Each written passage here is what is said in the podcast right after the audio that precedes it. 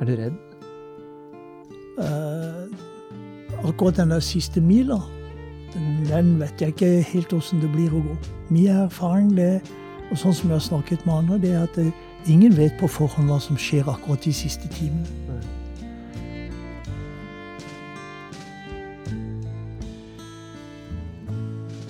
Du hører på Folk i Vågsbygd, en podkast fra Vågsby kirke. Mitt navn er Nils Terje Andersen, og jeg er sogneprest her. Og sammen med de andre så lager vi en eh, pod hvor vi forsøker å løfte fram fortellingene til folk som bor i sognet her. Og denne gangen så skal du få høre en samtale med Gjert Langfelt. Jeg har hatt mange fine samtaler med Gjert, fordi han er et spennende menneske, tenkende menneske. Men den siste tiden så har vi snakket mye om døden.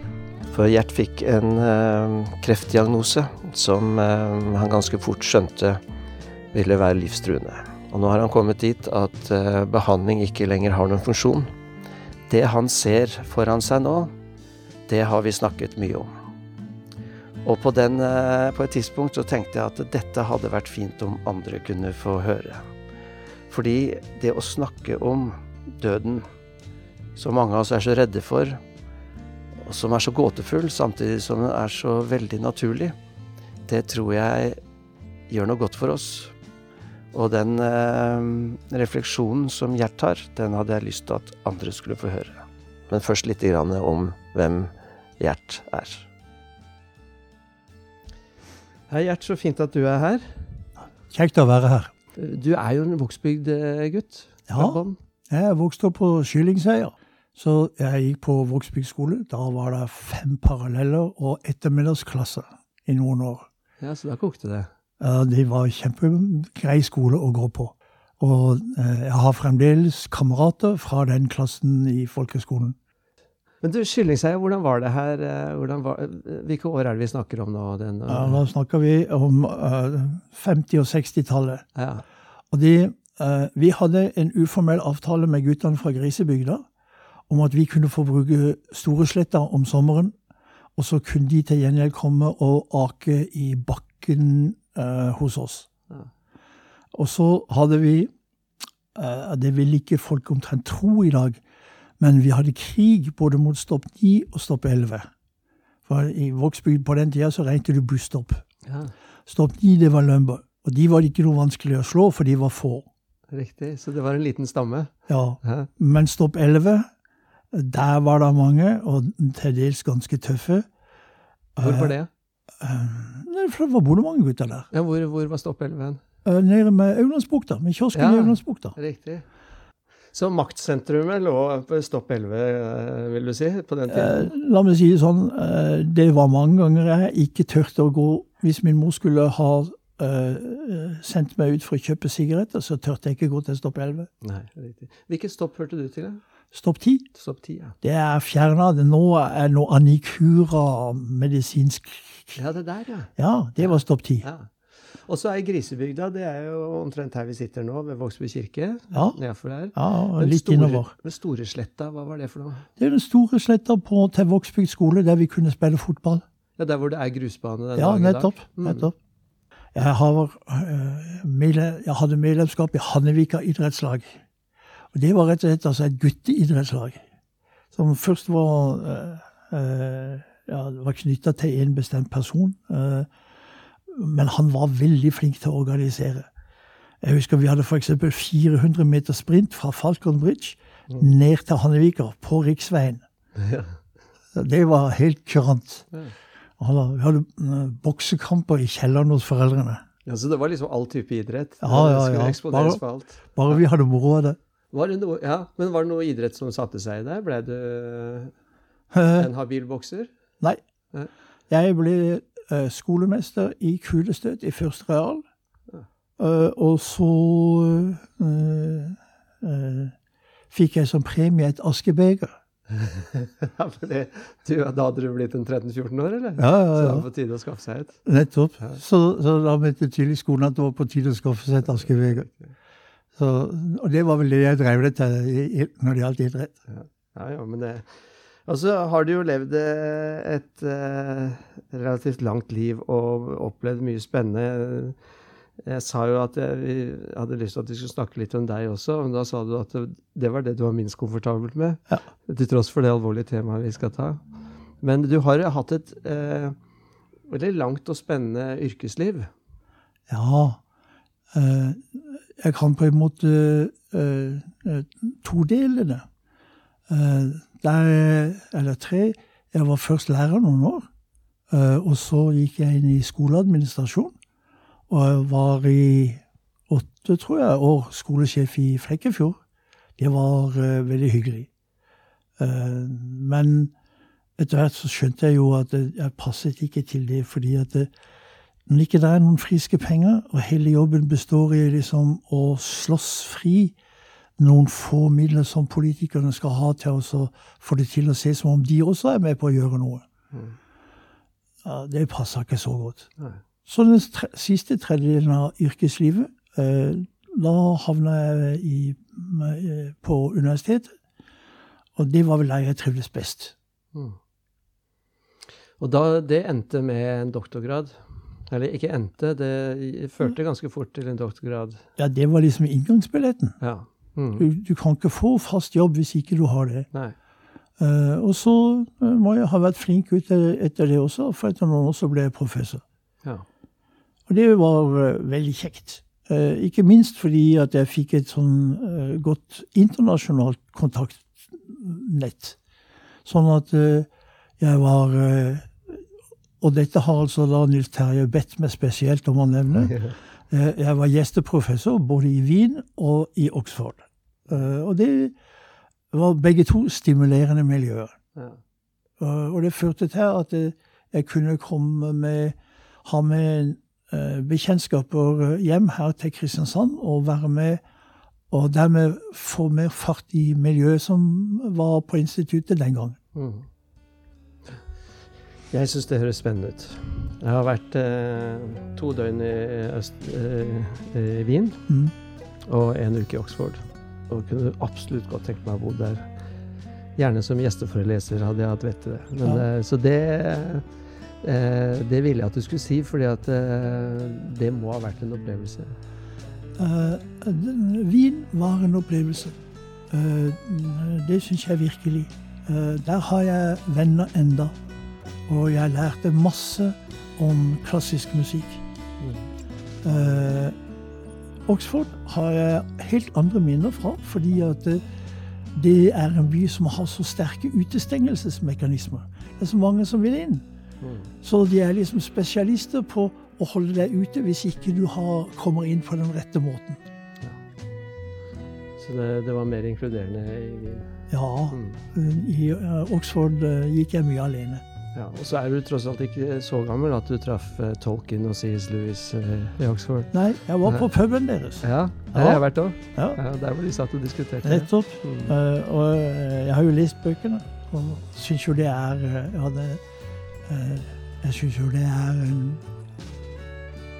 fortelling om det godes kamp mot det onde, mm. som har relevans for veldig mange også i dag. Ja. Eh, nå har du blitt alvorlig syk. Ja. Kan du si litt om eh... Ja, jeg har eh, Hva heter det for? Um, bukspyttkjertelkreft. Uh, og nå har jeg fått beskjed om at sykehuset kan ikke gjøre noe mer, så nå er det bare lindrende enhet som kan gjøre noe for meg. Mm. Det uh, har pågått nå i halvannet år. Så jeg har fått altså uh, nådetid på halvannet år. Det syns jeg er fantastisk flott, og det er jeg veldig takknemlig for. Ja, hvordan har den tiden vært? Opp og ned. Jeg tror de fleste, når de blir syke, så blir de forbanna. Uh, hvorfor skulle dette skje meg? Uh, så du har lyst til å Nei, det, det, det, dette er noe feil. Jeg skulle ikke vært på denne bussen, jeg. Uh, blir du forbanna på Gud? Eller nei, hva gjør det med troen? Nei. Hvordan klarer du å tro på Gud når, du, når, han har plassert deg på feil buss? ja, det er ikke noe Altså noe av grunnen til at jeg er kristen, er um, det at uh, jeg har ikke funnet noe alternativ som ikke er eh, mindre eh, idiotisk. Det er det, er, det er det, beste alternativet jeg har funnet. Ja. Eh, så sånn sett så spilte det ikke noen rolle, det med den bussen. Men det som spilte noen rolle, da, det var jo plutselig eh, å få beskjed liksom sånn her eh, av alle, de jeg kjente og venner og sånn, og hvorfor de, var det meg han skulle ha tak i. Mm. Eh, så det har jeg lurt litt på. Mm. Jeg har ikke noe svar på det ennå, så det skal bli gøy å se hvis jeg treffer han. Ja. Det får vi komme tilbake til. Men uh, du var, jeg avbrøt deg, du var i ferd med å fortelle hvordan ja, året nei, var. det så, mer Så, så uh, når Iallfall for min del, da når jeg var ferdig med uh, den første fortvilelsen, så må jeg si at naturopplevelse Altså når du er klar over at dette er kanskje den siste høsten du ser, Eh, siste vinteren. Ja, det uh, fører til, iallfall i mitt tilfelle, at jeg, uh, jeg syns at jeg så så mye skjønnhet og ser den dag i dag. Uh, det er så uendelig vakkert, det skaperverket som omgir oss. Ja, Blir det sterkere, eller blir du mer våken for det, eller blir det finere, eller hvordan Nei, jeg tror nok at jeg blir mer våken for det. Men jeg syns også Altså, jeg går tur hver morgen, eh, og eh, nå har jo ennå ikke solen stått opp når jeg er ute og går. Men bare se på de farvene som også brer seg ute der ved Oksøy. Som også begynner med et svakt rødskinn. Nå begynner det å komme oransjefarver i det. Og så fortsetter det oppover i, mot nattehimmelen i de mest fantastiske nyanser. Jeg tror ikke noe menneske kunne tenke på å, å male noe sånt. For det er, eh, det er, en skjønnhet som er helt utrolig. Eh, og jeg tror de aller fleste som går på søndagstur, eh, de opplever at de, naturen gir dem opplevelser som, som, gjør at de blir takknemlige. Men da syns jeg at det er viktig å stille spørsmålet hvem er du da takknemlig mot? Eh, og det er for, for meg syns jeg det er helt utrolig flott, det skaperverket som Gud har gitt oss. Uh, ja, bringer det Si litt mer om det. Hvorfor er det viktig for deg å ha en adresse for takknemligheten? Hvis ikke, så, så uh, syns jeg den tar ikke seg selv på alvor. Da blir det bare en floskel. Og ja, vi har så mye å være takknemlige for. Nå snakka du kristiansandsk. Eh, men eh, når du ser det da, og kjenner denne takknemligheten hva, eh, Er det vemod, eller er det lykke, eller er det Eller hva Alle deler. Ja. Eh, jeg syns f.eks. sånn nå sist høst, eh, når eh, lauvet falt fra trærne og jeg opplever jo at altså når du ser det på trærne Det er så mye, og det er så massivt. Det skulle jo kunne dekke alt med en halvmeter med, med løv. Mm. Ja, og så faller de ned, og så ble de blaute, og så ble de kjørt i hjel. Og i løpet av et par måneder så er allting vekk. Mm. Og det er også en del av skaperverket. Mm. Det, er altså at det, det fyller sitt formål på en annen måte enn det vi fyller vårt formål. For vi er ikke laug. Men selv om de også er individuelt hvert eneste et. Mm. Eh, det at vi har vårt formål og vår vei å gå Ja, jeg syns de døde lauvet Det lærte meg litt altså om hvor mye eh, vi har å se. Hvor mye og mye mer forskjellig vår vandring er enn deres. Ja. Men eh, eh, nå ble jeg redd for å spørre for direkte. Men de, eh, de blir jo til jord igjen, løvet også. Ja, er ikke det en sånn liv, er, er ikke det et type skjebnefellesskap også, selv om det er forskjell? Ja, klart det er det. Altså, vi skal jo bare være her en liten stund. Mm.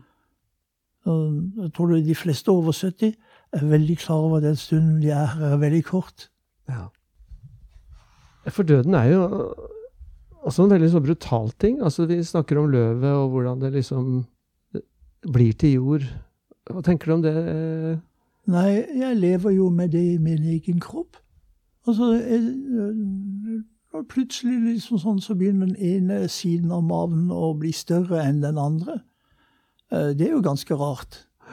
Og du veit jo at du blir spist opp innenfra, og at før eller siden så er, blir det angrepet sånn at det, det uh, avslutter livet. Ja, nå har jeg fått beskjed om at jeg har kanskje 14 dager igjen før eh, smertene skal begynne for alvor. Ja. og det er jo ikke noe jeg gleder meg til. det er, det er sånn det er. Eh, men samtidig så eh, Altså, når jeg har håp eh, i den situasjonen, så er jo det et håp som er en tro. Og det at Jeg tror det ville vært vanskeligere å dø å utholde og tolke ja, å tolke alle disse smertene hvis jeg trodde at det var alt som var. At eh, ja, nå får du ligge her har det vondt, og så råtner du vekk, og så blir du spadd ned, og så er de ferdig med deg. Eh, det, da tror jeg altså at eh, jeg ville hatt det verre enn det jeg har nå, hvor jeg kan tolke disse smertene bare som prøvelser som jeg må gjennom for å få lov til å komme hjem. Mm. Tenker du ofte på det? At du har denne sykdommen som sprer seg i kroppen din? Det de spør en del av de sykepleierne. Jeg er opptatt av det, om jeg tenker mye på det. Men eh, jeg må være litt dum, eh, for jeg gjør ikke det, altså. det kan være godt å være litt dum av og til. Ja, nettopp. Nei, altså, hverdagen har sin rytme. Jeg er ute og går på morgenen, og så hviler jeg litt. Og så er jeg, jeg har maling som hobby, så jeg er ute og maler. Eh, og så hviler jeg litt igjen, og så er det middag, og så hviler vi litt igjen. Så har det i grunnen nokså greit. Du fester deg i øyeblikket. Ja. ja. ja det, Hvor viktig er det, Ert? Altså å feste seg altså, du, du, maler, det har vi jo faktisk ikke snakka om. Du står på Odderøya og maler. Og du, du, får med deg soloppgangen som du beskrev i stad, uh, når du går på tur. Um, er det kilden til at du uh, glemmer og er litt dum? Nei. ikke tenke på det. Uh, nei. Kilden til at jeg kan være holdt å si, slappe av og, og, og ikke tenke, det er troen min. Ja. det er dønn klart. Det er det at jeg vet at det er en som bryr seg om, og det er en som følger med, og en som kaller meg nå. Mm. Du er ikke aleine? Nei, det er jo en annen sak. Mm. Altså, eh, når en er syk, så har en jo lett for å bli eh, ganske eh, nærsynt. Eh, men eh, altså, det dør jo folk hver dag her i Kristiansand. Flere stykker om dagen. Uh, og det skjer så stille. Det har slått meg de siste. Altså, Fødsler og død de skjer veldig stille. Én og én. Helt privat. Uh, og så lager vi noe sirkus rundt det, da. Ja. ja. Men, men, uh, det, men, det, er noe av det som sørgende opplever ganske sånn, sånn brutalt. Det er at det, deres kjære er død. Og så går trafikken som bare tusen. Alt ja. er som før, bortsett ja. fra at uh, i deres liv Det er helt forandra. Ja. Så det er, det er jo både uh, det er det ganske mange som sier noe om, at det er, en, det er litt så sjokkerende å oppleve. Uh, faktisk. Litt vondt, eh, ikke sant? Men ja. Det er, det er Altså, det der med sorg, det her syns jeg er et veldig komplisert fenomen. Fordi at Altså jeg har jo selv sittet og nigrint når jeg mista noen av mine kjære. Og da er det jo særlig tapet for at ikke du kommer sammen med dem mer. Mm. Og det, eh, det tapet, eh, når det nå står og skal være min tur til å forsvinne, det ønsker jeg Det syns jeg er vanskelig. For jeg vet at også mine nærmeste kommer til å gjøre, måtte gjøre det. Mm. Det tror jeg alle gjør.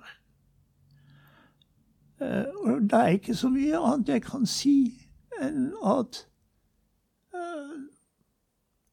vi hadde en fin tid sammen. Og det vi gjorde nå, de verdiene vi sto for, nå er det deres tur til å bære dem videre. Mm. For du har jo en Du har jo fått en dødsdom hengende over deg. Og så Du sier litt at det har gjort deg forbanna, og så gjør det deg takknemlighet fordi du ser ting med andre øyne. Ja. Um, hva har du gjort i forhold til Ja, vi nevnte jo du har barnebarn og familie. Altså hvordan um, Nei, det viktigste for meg da, det har jo vært å være åpen. Uh, og de uh, De har jo merka altså en del av disse cellegiftkurene Du går ikke gratis gjennom dem. Det er medisin som krever noe. Og når de da ser, har sett meg ligge smørt ned i sofaen, sånn passe grønn i trynet, så har det jo vært eh, viktig å kunne snakke sammen om det å være syk. Mm. Så det vanskeligste, det har vært barnebarna. Ja. Eh, men nå eh, har jeg avtalt med, eller avtalt, jeg har avtalt med foreldrene at når eh, de ikke kunne gjøre noe mer på sykehuset, da var det på tide å fortelle dem det. For de har ikke hatt bruk for å vite det før. Mm. Eh, men, så nå har jeg fortalt det. Men heldigvis, og jeg er helt enig med dem eh, de, Det de var opptatt av, det var om jeg kunne være med eh, på hytta på sommeren og være med ute i båten og leke. Det kunne du? Ja, det satser vi på. Ja, for det, det, det gjør dere hver sommer, gjør dere ikke? Jo. Ja. ja, det er sånne konkrete ting. Mm. Det er jo det de er opptatt av. Men de har vel lagt merke til at du har skifta sveisen en del ganger? Ja, men uh, det er det tydeligvis en del som, andre som gjør òg. Så, ja. så, det har de tatt helt nøkternt. Ja. Så uh, nå uh, holder det på å gro ut for tredje gang, så nå håper jeg å få krølle. Ja, det hadde vært fint. Ja, det hadde vært fint. Men så um, Hvordan er det, hvis du ser på deg selv som en sånn Som du var da du var ung? Um, et sånn dødsvarsel uh, som du får, uh, forandre deg Forandre deg mye? Det må du nesten spørre andre om. Ja. Men jeg opplever det ikke, ikke sånn. Uh, og jeg har jo i den nådetiden som den behandlingen har gitt meg, så opplever, har jeg ikke opplevd noe særlig sånn behov for å gjøre ting noe særlig annerledes enn det jeg har gjort før. Mm. Jeg, jeg, er på mange måter veldig tilfreds med livet mitt. Og det, Derfor har det vært naturlig å, å tutle på med det som jeg likevel gjorde. Jo, så tenker jeg du, I stad så brukte du ordet dødsdom. Jeg har ikke fått noe dødsdom. Tvert imot. Altså, hadde jeg ikke hatt sykehuset, så hadde jeg bare hatt vondt. Ja. Eh, nå har jeg fått både en forklaring ja. på hvorfor, eh, og hjelp. Ja? Eh, så, så, det er det omvendte av dom. Ja. Mm. jeg har fått heller et sånt budskap om at det, det er hjelp i noe i, i brått sjø. Ja. Mm. Er du redd? Uh, akkurat den der siste mila, den, den, vet jeg ikke helt åssen det blir å gå. Min erfaring, det, og sånn som jeg har snakket med andre, det er at det, ingen vet på forhånd hva som skjer akkurat de siste timene. Nei. Men uh, jeg er ikke redd i den forstand at uh, jeg gruer for å gå de mil, altså frem til den siste mila. For uh, der opplever jeg altså at troen min er det som altså det, det, det, er dens vinger som skal bære meg frem dit. Ja. Hvordan da? Jo, uh, ved at jeg kan stole på at det er en som tar imot det. Det er en som uh, er full av nåde. Mm. Og det å, vite at det, at det er liksom uh, Ja, skal du si for noe? Verdens beste keeper som står bakerst. Mm. Det er veldig godt å vite. Mm. mm. Jeg tenker på denne erfaringen til de som vandret ut av Egypt og gjennom ørkenen. Ja. Eh, om natten så ble denne eh, skystøtten Den ble til en ild som lyste for dem. Og så ble på en måte noe av den, den setningen som brent seg fast fra Salmenes bok, som har vært deres erfaring, det er at mørket er ikke mørkt for Gud. Det er en som ser i mørket. Og det å og eh, tenke realistisk, sånn som du gjør, om døden. Det kan være smerter, det kan være at du mister deg selv i det, men at det er en som ser i mørket. Det. Ja, det er uh, en veldig vakker metafor. Uh, og det rare er altså det er, uh, det er utrolig makt i språket. om hvordan vi snakker om sorg og død. Og det, eh, det, du sa nå, det syns jeg var utrolig hjelpsomt. Utrolig vakkert. Og det er uh, noe Altså, særlig unge folk. jeg har jo noen fettere og kusiner og sånn som jeg vet er veldig glad i meg. Men de, unge folk har liksom ikke lært seg dette sorg, om, språket om sorg ennå. Det er et handikap for dem. Ja, det er vanskelig.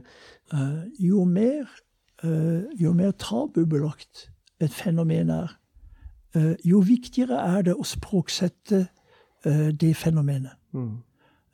og det gjelder de mest, nesten alt her i livet, fra nazisme til kristendom. Mm.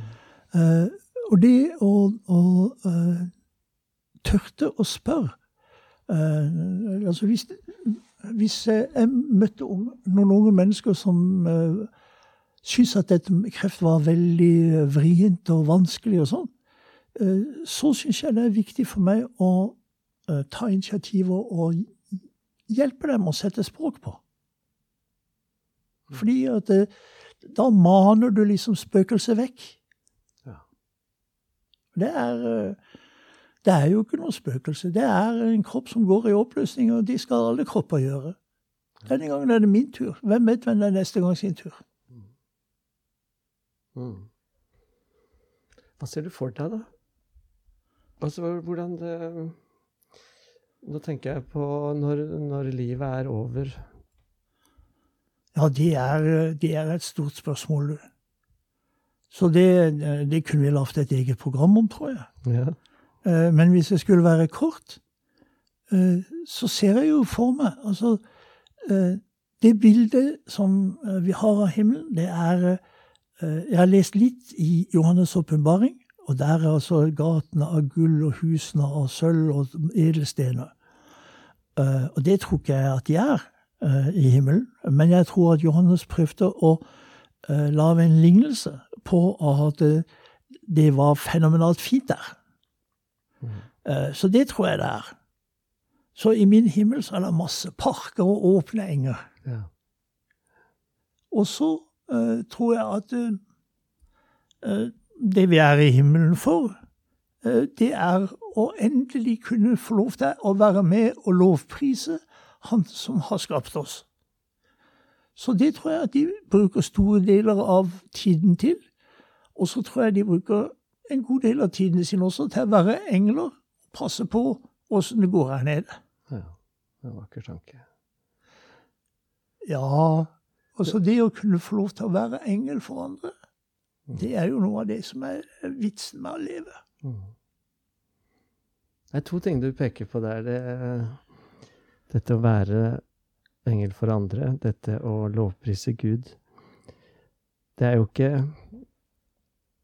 Um, altså, dette er jo det relasjonelle um, dybden og meningen som vi er kalt til å leve. Jeg opplever at Jesus kalte oss til å leve i. ikke sant? At det, det å lovprise Gud er jo ikke så fattigslig som å stå i et kor og synge og synge og synge, men det er en, en gjensidig relasjon som, som, som, gir deg kontakt med på en måte livet selv. Og det samme gjør jo også det å gjøre noe for å være noe for andre. Det gir deg kontakt med livet selv. Ja, det er jeg veldig enig med deg. Ja. Og der sånn, eh, som en digresjon. det der syns jeg ofte at eh, vi kristne er, har lett for å bli litt golde, for vi stiller så mange krav til åssen man skal være for at vi skal kunne forholde oss til det. Mm. Men det var en digresjon. Tilbake til temaet. For meg Altså Gud definerer seg selv som den som er. Og det, det, er som den som er. Han har skapt alt. Uh, deg og meg også. Og det å få lov til å møte den som er, og se dybden i, i storheten, i mangfoldet, i alt det han er, ah, det må være en kjempespennende ting å få oppleve. Mm. Du sa til meg en gang at du Jeg spurte deg vel noe om døden, tenker jeg. Så sa du at du om Jeg spurte om du var spent eller redd, eller sånt, så sa du jeg er nysgjerrig, sa du. Ja. Er du det fortsatt? Ja.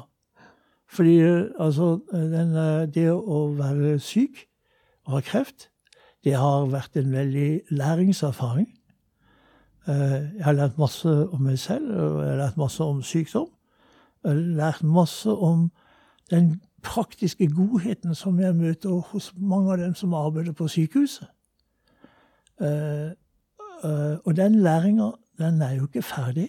Uh, det er jo den som gjør at vi sitter her i dag. Mm. At jeg har tørt å si ja til noe så gærent som å snakke, snakke med deg om håp og død. og det er det å se på døden som en læringserfaring, eh, det gir også en eh, sammenheng, eh, syns jeg. At jeg, jeg, fortsetter den vandringen som jeg har hatt gjennom livet, og, og gjennom troen. Mm. Og så får de munne ut der sjefen vil.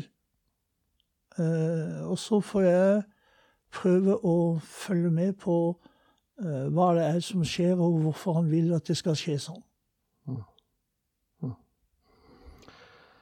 Bare et lite, svært spørsmål til uh, Gjert. Ja. Da Jesus døde, så hadde han vel egentlig først uh, snakket med disiplene og sagt la ikke hjertet bli grepet av angst. Tro på Gud og tro på meg. I min fars hus er det mange rom, var det ikke slik? Så hadde jeg sagt det. Det gir jo en det var vel ment for å gi dem en trøst og en trygghet på at det venter et sted på dem de, de hører hjemme. Ikke være redd. Så tar det jo ikke så lang tid før han etter måltidet har kommer ned til Getsemanehagen, hvor han blir grepet av angst. Det står til og med han svetter blod. Ja. Ja, han er eh, veldig hardt ramma av en type frykt, en angst, som vi ikke helt vet hva var, da. Om det var for smerten han visste ville komme, eller selve døden, eller adskillelsen. Men hva Den eh, Jesus i Getsemane, hva Hva sier den til deg, denne hendelsen? Ja um, mest jeg kan slappe av, eh, for det er en som har vært der også før meg. Jeg trenger ikke være flau for å sitte og grine. Mm. Eller sånn som nå, å eh, bli rørt i stemmen. Mm. Det er en som har vært der før meg og hatt det mye verre enn meg fordi det hvilte så mye på ham. Jeg har jo bare ansvar for en liten familie. Mm. Det er jo helt uten sammenligning. Så øh, jeg opplever også at det øh, gir meg frihet å vite at det er ok å grine òg. Det er det. Du, tusen takk, Gjert, for at du stilte opp, og at vi kunne snakke om en så alvorlig ting som døden er. Og gode ting som håpet er.